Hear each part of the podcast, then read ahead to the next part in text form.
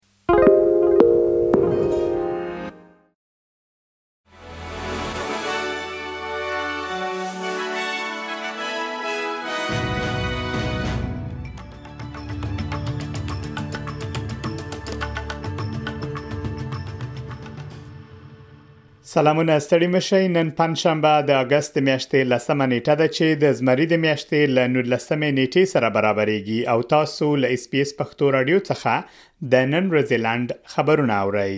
ټاکل شوې ترڅو د استرالیا لمړی وزیر انټونی البنیزي په اکتوبر میاشت کې امریکا ته سفر وکړي ترڅو د یاد هیواد له ولسمشر جو بایدن سره لیدنه وکړي خغل البنیزي به د اکتوبر د 23مې او 24مې نیټې ترمنځ په امریکا کې اوسېږي او دا به واک ته له رسېدلو وروسته امریکا ته د نوموړي لومړنی رسمي سفر وي. سپینه ماڼۍ وایي چې دواړه مشران به د اکټوبر په پنځه ویشت مه نېټه لیدنه وکړي. ښاغلي البنیزي د یوې اعلامیې په خپرولو سره ویلي چې اسټرالیا او متحده ایالات د ژورې دوستۍ، باور او سولې قانون حاکمیت او د ډیموکراتیکو ارزښتونو ته د ګډې ژمنې پر بنسټ د اوږدې مودې اړیکې لري. د این ډي آی اس وزیر بل شورټن له اپوزیسیون څخه غوښتنه کړې ترڅو د روبو ډټ له قربانیانو څخه رسمي بښنه وغواړي. نوموړي د روبو ډټ سکیم غندلی او له هغه څخه یې د غیر قانوني باور ماتونکي سکیم په توګه یادونه کړې ده خغلی شورټن په پارلمان کې یو حرکت په لار اچولی ترڅو د شاهي کمیسیون موندنې ومنل شي د سکیم له قربانیانو بخنه وغوښتل شي او ژمنه وشي چې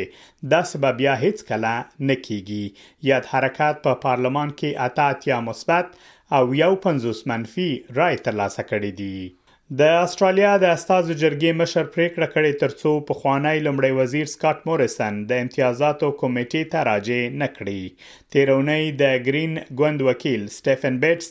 د پارلمان له مشر ملټن ډیک څخه غوښتنه کړې و ترڅو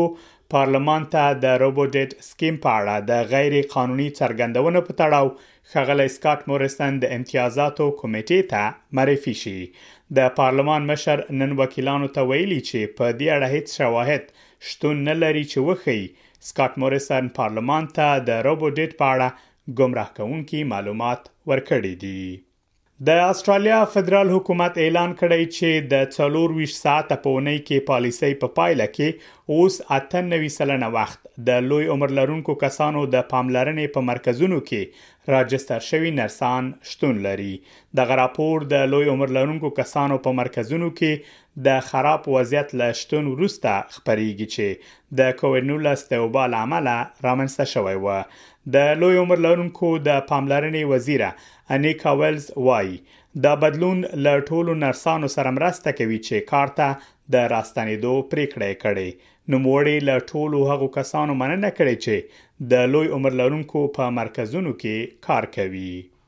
د خوړو نړیوال سازمان یا ډبلیو ایف پي خبرداری ورکړی چې د پیسو د نه رسېدو له امله به اړ شي ترڅو له افغانانو سره خپلې مرستې کمې کړي. ډبلیو ایف پي خبرداری ورکړی که بیړنۍ مرسته ور ونه رسیږي اړ کیږي ترڅو میلیونونو نور افغانانو سره هم خپل مرستې ودروي د خوړو نړیوال سازمان وایي راتلونکو شپږو میاشتو کې افغانستان کې د اړو کسانو د لاسنیوي لپاره یو میلیارد ډالرو ته اړتیا ده دا و د نن ورځې لنډ خبرونه چې ما مجیب منیب تاسو ته وړاندې کړل